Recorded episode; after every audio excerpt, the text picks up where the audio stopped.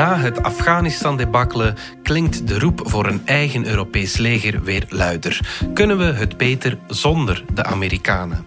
De oorlog in de Sahel die bewijst het tegendeel. Frankrijk zakt er steeds dieper weg in het moeras. Het conflict dreigt een verloren generatie jongeren op te leveren. Moeten we gewoon stoppen met westerse inmenging of laten we dan de mensen daar aan hun lot over? Het is dinsdag 14 september. Ik ben Alexander Lippenveld en dit is vandaag de dagelijkse podcast van de Standaard.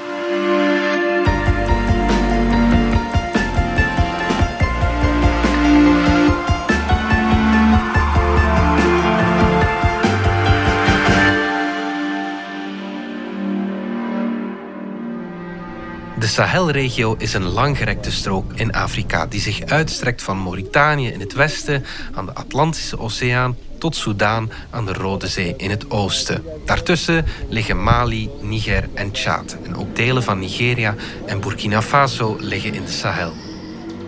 De regio vormt de fysieke grens tussen het vochtigere, vruchtbare zuiden van Afrika en de droge Sahara-woestijn in het noorden. Het is een van de meest uitdagende streken om te wonen, want de droogte heeft een vernietigend effect. Als je de klimaatverandering ergens voelt, dan is het hier wel. Er woedt al negen jaar oorlog sinds 2012. Die begon met een opstand van de Tuareg-rebellen in Mali en heeft intussen duizenden slachtoffers geëist in verschillende landen. Vorig jaar alleen al vielen er 2500 burgerdoden in Mali, Niger en Burkina Faso. Een triest record. 2 miljoen mensen zijn op de vlucht. Een vertwintigvoudiging tegenover drie jaar geleden en zes vluchtelingen op de tien zijn kinderen. Geregeld protesteert de moe gestreden en straatarme bevolking tegen het geweld en tegen de corruptie, zoals recent in Burkina Faso. Eh, vis-à-vis de ce régime eh, qui a eh, échoué de façon cuisante. Koen Vidal, chef van onze buitenlandredactie. Je kent de regio goed, je hebt jaren in Afrika gewoond. Bloedt je hart niet als je dit ziet gebeuren? Ja, dat is heel pijnlijk. Mhm. Ik heb nog door Mali gereisd toen het daar uh, rustig was. Uh, zeer arm, dat was overduidelijk. Mm Maar ook een, fantastisch land om, om door te reizen. Mm uh, ja, fantastische mensen ontmoet, fantastische plekken, fantastische muziek ook. De Mali Blues. De Mali Blues. En ja, dat is echt iets dat heel aanwezig is. Mensen hebben dat op hun kleine radio of op hun uh, iPhone. En dat is gewoon een deel van het straatbeeld. En dat geeft aan dat land een, ja, een fantastische sfeer. En op dat moment denk je toch ook altijd van ja, dit, dit kan vooruitgaan en dit zal vooruitgaan. Zeker als je met mensen praat, dan voel je, ja, je voelt daar echt een dynamiek. En als je dan nu moet vaststellen dat die dynamiek voor een groot stuk is platgeslagen uh, door criminelen. Mm -hmm. Dat is zeer pijnlijk om vast te stellen. Miljoenen mensen zijn op de vlucht, er vallen steeds meer doden. Wat maakt de oorlog zo vernietigend? Wel, het grote probleem is dat een, uh, heel veel oorzaken en problemen zich doorheen de jaren eigenlijk hebben samengeklikt tot een onontwarbaar kluwen. Mm. En dan, dan heb ik het over corrupte regeringen, dus kleptocratieën. Uh, klimaatverandering is ook heel belangrijk. Klimaatverandering heeft voor grondconflicten gezorgd, dus droogte, grondconflicten. Daarop hebben zich dan nog eens internationale jihadistische bewegingen, uh, zoals uh, Al-Qaeda, Islamitische Staat of filialen daarvan. Ook Boko Haram, mm -hmm. dat is een zeer bekende gewapende groep die vanuit Nigeria uh, ja, verschillende dingen doen. Scholen Schoolkinderen ontvoerd. Ja. Uh, ja. maar ook uh, ja, dorpen aanvalt met een ongelooflijke brutaliteit. The machete meet him on his head. They pierce him with a knife on his hand. Then one of them from afar shot him with a bullet. Now they carry him and put him in the cold bed. So that's how he died. So even people run to the mountains, they don't know where they are. They are displaced. Boko Haram are better armed and better motivated than our own troops. En iets dat ook heel belangrijk is, is dat de, de illegale handel, de criminaliteit, mm -hmm. zich onder andere op die jihadistische bewegingen heeft geënt. Of dat, die, die vormen nu een soort samenwerkingsverband. Ja, ja, ja. Ehm, wat betekent dat die ook de drugshandel uh, beginnen te controleren, ook de mensenhandel, uh, de wapensmokkel. Dat zijn uh, zaken die een maatschappij ja, een verschrikkelijke impact hebben, maar die ook heel veel geld met zich meebrengen en dus ook weer veel macht. Mm. Dat betekent dat die gewapende groepen bijvoorbeeld gemakkelijk ambtenaren kunnen omkopen, mm. uh, gemakkelijker mensen kunnen recruteren, strijders kunnen recruteren. Dus het feit dat het allemaal samen zit, maakt dat heel moeilijk op te lossen. Zes vluchtelingen op de tien zijn kinderen, we haalden het al aan. Dat kan voor die generatie niet zonder gevolgen blijven. Hè? Het is duidelijk dat, dat het een verloren generatie aan het worden is. Ja, als je ook, ook kijkt naar het aantal kinderen die niet naar school kunnen in de regio, dan zitten we te spreken over 13 miljoen kinderen. Dat is een enorm aantal natuurlijk. Ja, ja, ja. Eh, met als een zeer negatief eh, gevolg is dat ja, jongeren uh, echt letterlijk op de dool gaan. Eh, de scholen zijn gesloten, dus ze kunnen nergens terecht of ze zitten daar ergens in een vluchtelingenkamp. Mhm. Dat maakt jongeren ook wel veel kwetsbaarder voor recrutering van gewapende groepen. Er zijn er heel veel en die gewapende groepen hebben dan ja, iets te bieden. Een beetje geld of een wapen waar dan, wel, waar dan uh, ja, geld mee verdiend kan worden of voedsel mee gezocht kan worden of, of afgedwongen worden. Mhm. De klimaatverandering is een van de oorzaken waarom het daar, ja, waarom het daar botst. Die invloed die is daar niet te onderschatten. Hè? Nee, die is gigantisch. Dus dat is eigenlijk ontstaan eh, vanaf de jaren 60, die verwoestijning die conflicten tussen landbouwers en veehoeders, dat, ja, dat was allemaal kleinschalig. Dat bleef onder de radar eh, bij ons. Maar dat is echt wel een probleem dat enorm is toegenomen. En dat is kwestie van leven of dood. Hè. Dat, dat zijn geen, uh, per definitie, mensen van slechte wil. Dus die grond is gewoon leven, is gewoon eten voor hun kinderen. En voor de ene is dat dan de gewassen die ze erop planten. En voor de andere is dat ja, de gezondheid van hun koeien. Dus dat, is, dat staat heel scherp. En dan ook, ja, er werd nooit eigenlijk iets aan gedaan. Dus dat is hmm. blijven verrotten. Ja.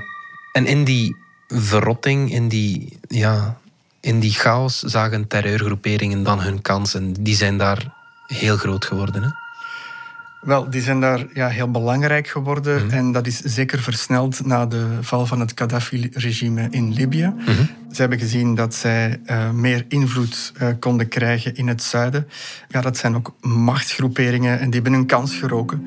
Dat heeft dan weer uh, tot meer geweld geleid. En dan zijn ja, in heel veel dorpen hebben ze gezegd van ja, we moeten ons beschermen daartegen. Die hebben dan weer gewapende burgerwachten opgericht, dus ook milities. Ja. Die zijn dan weer met andere dorpen beginnen vechten. En ja, dat is eigenlijk van kwaad naar erger gegaan. Dus het aantal gewapende groepen is daar bijna niet te tellen. Op een bepaald moment kon of wou de internationale gemeenschap niet meer wegkijken. Er werden militaire troepen gestuurd naar Mali onder meer. En aanvankelijk werden ze ja, met open armen ontvangen. Het leger was volgens de regering onderbemand en onderbewapend. Alle hulp was welkom om de strijd aan te binden tegen de jihadisten. À la date d'aujourd'hui, l'armée malienne est en reconstruction. L'armée malienne est en reconstruction, donc ça veut dire que euh, toutes les composantes de l'armée malienne a besoin de cette reconstruction. Et l'artillerie malienne aussi ne peut pas euh, rester en marge de cette reconstruction. Raison pour laquelle euh, une reconstruction de l'artillerie s'avère plus que nécessaire à la date d'aujourd'hui. Wie nam het initiatief? Uh, ja, Frankrijk die het initiatief nam. De voormalige koloniale macht in veel van die landen voelde zich geroepen om uh, snel te reageren met een, een militaire operatie van ongeveer 5100 troepen op mhm. het uh, toppunt. Uh, maar ook de VN. De VN uh, hebben een stabilisatiemacht die MINUSA noemt. Die mhm. zijn er met 12.000 militairen, met onder andere momenteel 95 Belgische soldaten. Ja, ja, ja, Wat was het voornaamste doel van Frankrijk van, en van die missie? Wel, voor Frankrijk is de Sahel een klassieke regio van invloed als ja. voormalige koloniale macht, maar ook toch die grote vrees dat in de Sahel en, en dat het een soort ja, reservoir wordt voor internationale terreur, ja. die ook uh, voor Europa falikante gevolgen kan hebben. Ja, ja, ja. Ik sprak onder andere met uh, Peter Knopen van het Nederlandse Klingendaal Instituut. Mm. En uh, hij werkte die theorie nog een beetje verder uit. Hij zei van ja, we zien dat die groepen ook heel dreigend worden voor uh, landen als Ivoorkust, Benin. Mm -hmm. Dus landen die aan de Atlantische kust liggen en die ook Atlantische zeehavens hebben. En een extra vrees is dat die gewapende groepen, die jihadisten, ook invloed krijgen en impact op die havens. En dan zit je meteen ook op internationale handelsnetwerken. Ja. En als we het dan over wapens en drugs hebben, dan wordt dat toch wel een groot risico. Mm -hmm. Zijn de Fransen geslaagd in die missie? Nee, je zou eerder moeten zeggen dat de missie mislukt is. En dat blijkt onder andere uit een heel recent rapport van de Verenigde Naties, um, dat cijfers verzamelde over het aantal burgerdoden april, mei, juni, dus eigenlijk heel recent. 572 mensen zijn gestorven mm. en de helft daarvan is gedood door jihadisten. Dus mm. je ziet de, de dodelijke impact van die jihadisten is eigenlijk nog nooit zo groot geweest. Ja, Bovendien zijn er ook honderden ontvoeringen, ook weer door jihadisten, maar daar is dan ook een hele business uit ontstaan. Uh, mensen worden ontvoerd, daar wordt losgeld voor betaald. Dus dat blijft een, een, een bijzonder onvoorspelbare en een onveilige omgeving. Ja, dat zegt ook politicologe Niagale Bagayoko, voorzitter van het African Security Sector. Operatie Barkan kan je geen succes noemen. Jij sprak haar ook, hè, Koen? Ja, zij is ook hoofdauteur van een, een, een, heel belangrijk en interessant rapport van de Coalition Citoyenne pour le Sahel. Mm -hmm. Dat is een samenwerking van 48 NGO's. Uh, nationaal in de landen Mali, Burkina Faso enzovoort. Regionaal, maar ook internationale NGO's, Human Rights Watch. Dus eigenlijk een heel belangrijk rapport. Een van de toch wel stuitende cijfers of vaststellingen was dat in 2020 mm -hmm. de regeringslegers, dus degenen die door Frankrijk gesteund zouden moeten worden en geadviseerd en verbeterd, ja. uh, dat die eigenlijk het meest aantal burgerdoden maken. Okay. Dus de, de, de impact van de regeringslegers is, is nefast. Ja. En dat is iets dat je, waar je niet naast kan kijken. Als je het leger dat je steunt eigenlijk de meest destructieve factor aan het worden is, ja. naast de jihadisten, dan zit je met een groot probleem. Ja, ja, ja. En hoe, hoe komt het dat er dat dan niets aan dat probleem gedaan wordt en dat die legers zoveel doden veroorzaken? Ja, een van de, de, een zeer belangrijke kritiek op de Franse operatie is dat ze eigenlijk het succes afmeet aan het aantal gedode jihadisten. Mm -hmm. Dus het is een, een, een, operatie die enorm gericht is op we moeten die jihadisten eigenlijk verpletteren. Ja. En op die manier gaan we vermijden dat er een internationaal terreurnetwerk ontstaat. Ja. Nu, dat heeft ertoe geleid, een soort uh, eendimensionaal kijken. Ja. Uh, men kijkt niet meer naar wat zijn de gevolgen voor de burgerbevolking. Of mm. Heeft die operatie ook verbetering gebracht? Uh, zijn er scholen opengegaan? Of mm. zijn er akkers uh, die opnieuw bereikt kunnen worden door boeren? Dus, dus heel veel indicatoren die belangrijk zijn om te zeggen van ja, dat, dat land is er langzaam aan het uitgeraken, die worden niet opgenomen in de redenering van de Fransen. Ja, ja, ja. De Franse president Emmanuel Macron die wil nu stelselmatig de troepen terugtrekken. Face à ce pivot vers le sud des organisations terroristes, l'erreur aurait été de nous attarder dans un schéma qui ne correspond plus ni à la géographie, ni au mode de dissémination de la menace. La stabilisation de la zone des trois frontières et le reflux de l'emprise terroriste sur cette région nous ouvrent aujourd'hui la possibilité de mettre en œuvre, sans plus attendre, la reconfiguration de notre présence selon des modalités concertées avec nos partenaires et alliés sahéliens. Cette reconfiguration débutera dès les prochaines semaines. Ja, loop je dan niet het risico dat we een tweede Afghanistan krijgen? Dat wordt gevreesd. Mm. Um, dat dus ja, die 5000 plus Franse troepen toch enigszins voor een, een soort van veiligheidsruggengraat, mm. ondanks al het geweld, ja. blijven zorgen. En als je die, zeker als je die heel abrupt terugvliegt, dat je dan ja, in verschillende hoeken van het land implosies krijgt. Uh, met heel onvoorspelbare gevolgen. Nu, um, Macron heeft ondertussen ook al wel gezegd: ik ga mij niet volledig terugtrekken. Mm. En spreekt over: ja, we gaan er 2000 terugtrekken. Dus hij denkt daar waarschijnlijk ook door Afghanistan al ja. veel genuanceerder over. Ja. Nu, zonder de Fransen of met, met een afgeslankte Franse troepenmacht heb je natuurlijk ook nog die VN-missie ja. met 12.000 militairen. Daar wordt dan ja, eigenlijk heel veel druk op, op die missie gelegd. Maar misschien is het niet slecht dat de Fransen vertrekken en dat je met een stevige VN-missie achterblijft, omdat hun, hun aanpak is toch iets breder dan puur we gaan terroristen wegjagen. Het is meer een humanitaire missie. Het is een, ja, het is een humanitaire missie, maar ook een, echt een stabilisatiemissie. Dus we kijken echt wel waar is het geweld en wat voor geweld is het en we proberen er dan iets aan te doen. Dus er wordt toch iets fijnmaziger gedacht ehm, om, om, om het conflict op te lossen dan mhm. puur van ja, we moeten terroristen uh, uitroken. Ja, ja, kunnen we stellen dat Frankrijk gefaald heeft? Wel, tot nu toe moeten we dat zeggen. Het, hmm. het, is, niet geslaagd als je naar de cijfers kijkt. Hmm. Is die militaire missie een mislukking? Wat toch wel blijft hangen, en, en daar had ik het ook over met, met Peter Knopen van het Klingendaal Instituut.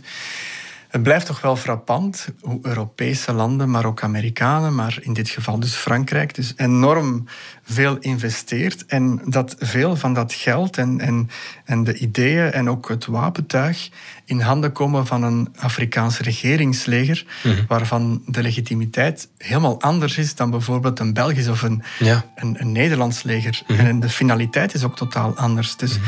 Een leger zoals dat in Mali, de hoofdopdracht is eigenlijk om het regime in stand te houden en te beschermen. Ja. En als je dan kijkt naar de kwaliteit van die regimes, ja, dan zijn dat vaak kleptocratieën mm die vooral bezig zijn met zichzelf te verrijken en die vooral niet te veel uh, bezig willen zijn met de bevolking. Mhm. Eh, dus ja, een enorm risico toch als je heel veel wapenarsenaal in handen geeft van zulke militairen, dat je ze ook gaat adviseren hoe ze met ingewikkeld wapentuig moeten schieten.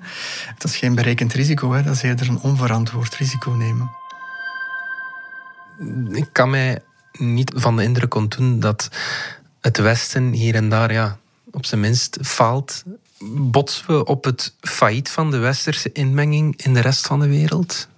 Het, het, failliet is misschien, is misschien veel gezegd, maar uh, ik denk dat Afghanistan en, en Mali, Sahel, uh, toch heel hard iets naar boven brengen. En dat is als we met veel middelen en, en heel langdurig in een bepaalde regio uh, interveneren, mm dat we echt wel moeten weten in, in wat voor land we terechtkomen.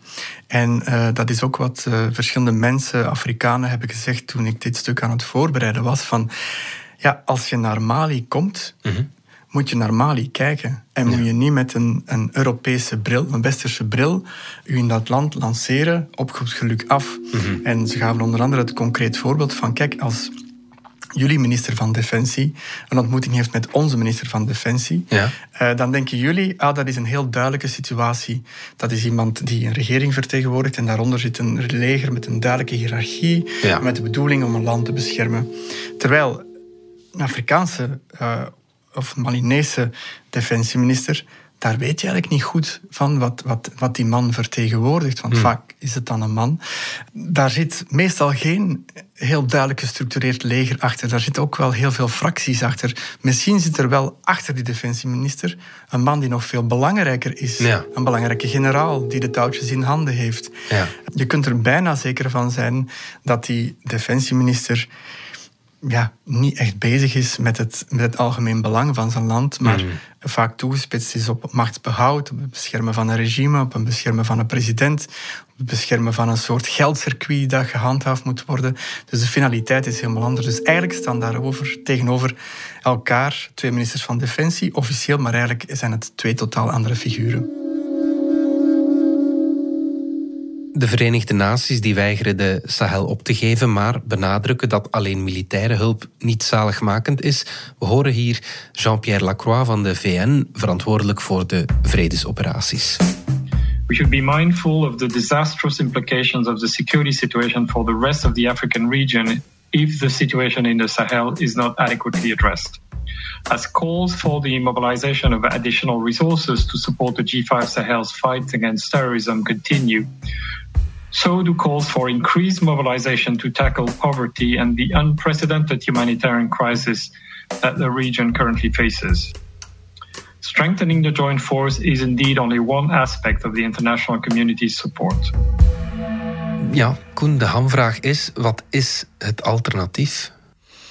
Wel, we zijn nu heel erg bezig met het Afghanistan-debakkelen en we hebben gezien dat ja, zelfs om Afghaanse Belgen te evacueren, dat we volledig afhankelijk waren van de Amerikanen. Mhm.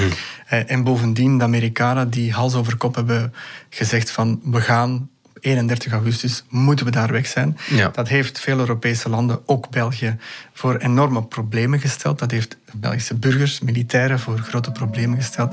Dus, luidt de redenering, eh, de volgende keer moeten we dat zonder de Amerikanen doen. Als wij, wij hebben een Europees leger nodig. Eh, wij moeten beter samenwerken om situaties zoals die ze in Afghanistan hebben voorgedaan te vermijden.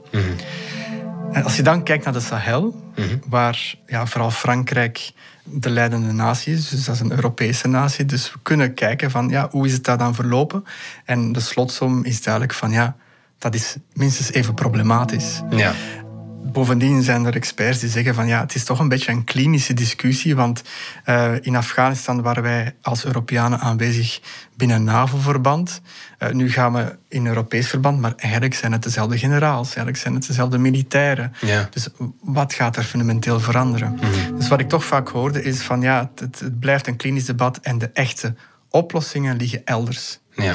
En daarmee bedoelden ze dan van ja, als je een, een regio die helemaal in de problemen zit, zoals de Sahel, als je daar iets eh, wil bijdragen, dan moet je niet enkel militair denken. En dan, als je dan alleen gaat rekenen met het aantal gedode terroristen, dan kom je er helemaal kom je er niet. niet, nee. Dus ja, je moet het opengooien. Ja. En een van de dingen om het open te gooien is van ja, te kijken naar de Sahel. Ja, klimaatverandering is daar toch één van de echt welis, weliswaar de belangrijkste oorzaak. Mhm. Dus moet je minstens evenveel aandacht besteden van oké, hoe gaan we die klimaatverandering aanpakken? En iets dat mij ook wel ook weer deze keer enorm opviel, is dat eigenlijk het beste rapport wat er in de Sahel geschreven is, was een rapport dat gemaakt is door 48 organisaties, waarvan de meeste Afrikaanse organisaties. Omdat zij nu eenmaal ja, de situatie het Zij best kennen de kennen. situatie natuurlijk het beste. En het zijn ook die mensen die ik heb eh, gecontacteerd.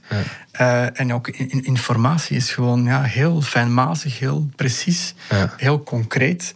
En dan valt het mij op dat ik die organisaties en ook die mensen nergens tegenkom in het politiek beslissingsproces of dat die mogelijkheid hadden, tot adviseren van, voor die militaire operaties. Dat is enorm opvallend en dat zijn toch ook veel jongeren eh, die daar in die organisaties actief zijn. Zeer goede mensen. ehm, dat je die nergens anders terugziet. Het is eigenlijk ons eigen westers paternalisme dat ons de das omdoet gewoon. Ja, en wat ik daarnet zei, is dat een, een, een grijze defensieminister praat dan liever met een andere grijze defensieminister. Ja. Maar helemaal in de dode hoek zitten enorm eh, wijze, interessante mensen eh, die de toekomst van dat land zijn. Dat is een verhaal dat ook in andere Afrikaanse landen wel geldt. Is dat, ja, zij, zij worden daar ergens buiten spel gezet, maar er is daar geen goede reden voor. Je moet met hen werken en eh, hun kennis is, is eigenlijk cruciaal als je tot oplossingen wilt komen. Tegelijkertijd, wat ik daarnet zei, ja, die, die jongere generatie, die zit ook wel klaar. Eh, dus, dus De hoop is me er dan weer hoopvol. Ja, ja. En, en dat is geen naïviteit. Ze, ze, ze zijn aanwezig en ze zijn echt over klimaatverandering. Weten zij enorm veel, misschien wel meer dan de modale Belgische burger, Mhm. omdat zij er dagelijks mee geconfronteerd worden. En zij denken ook heel vaak van hoe gaan we dit oplossen. Mhm. Dus dat is aanwezig en dat is niet verdwenen. Goed, Koen Vidal, dankjewel. Graag gedaan. Dit was vandaag de dagelijkse podcast van De Standaard. Bedankt voor het luisteren. Ken je trouwens de app DS Podcast al, de podcast-app van De Standaard? Daar luister je niet alleen naar onze journalistieke reeksen, je krijgt ook elke week een eigenhandige selectie van de beste nieuwe podcasts op de markt. Alle credits van de podcast die je net hoorde vind je op standaard.be-podcast. Reageren kan via podcast.standaard.be. Morgen zijn we opnieuw.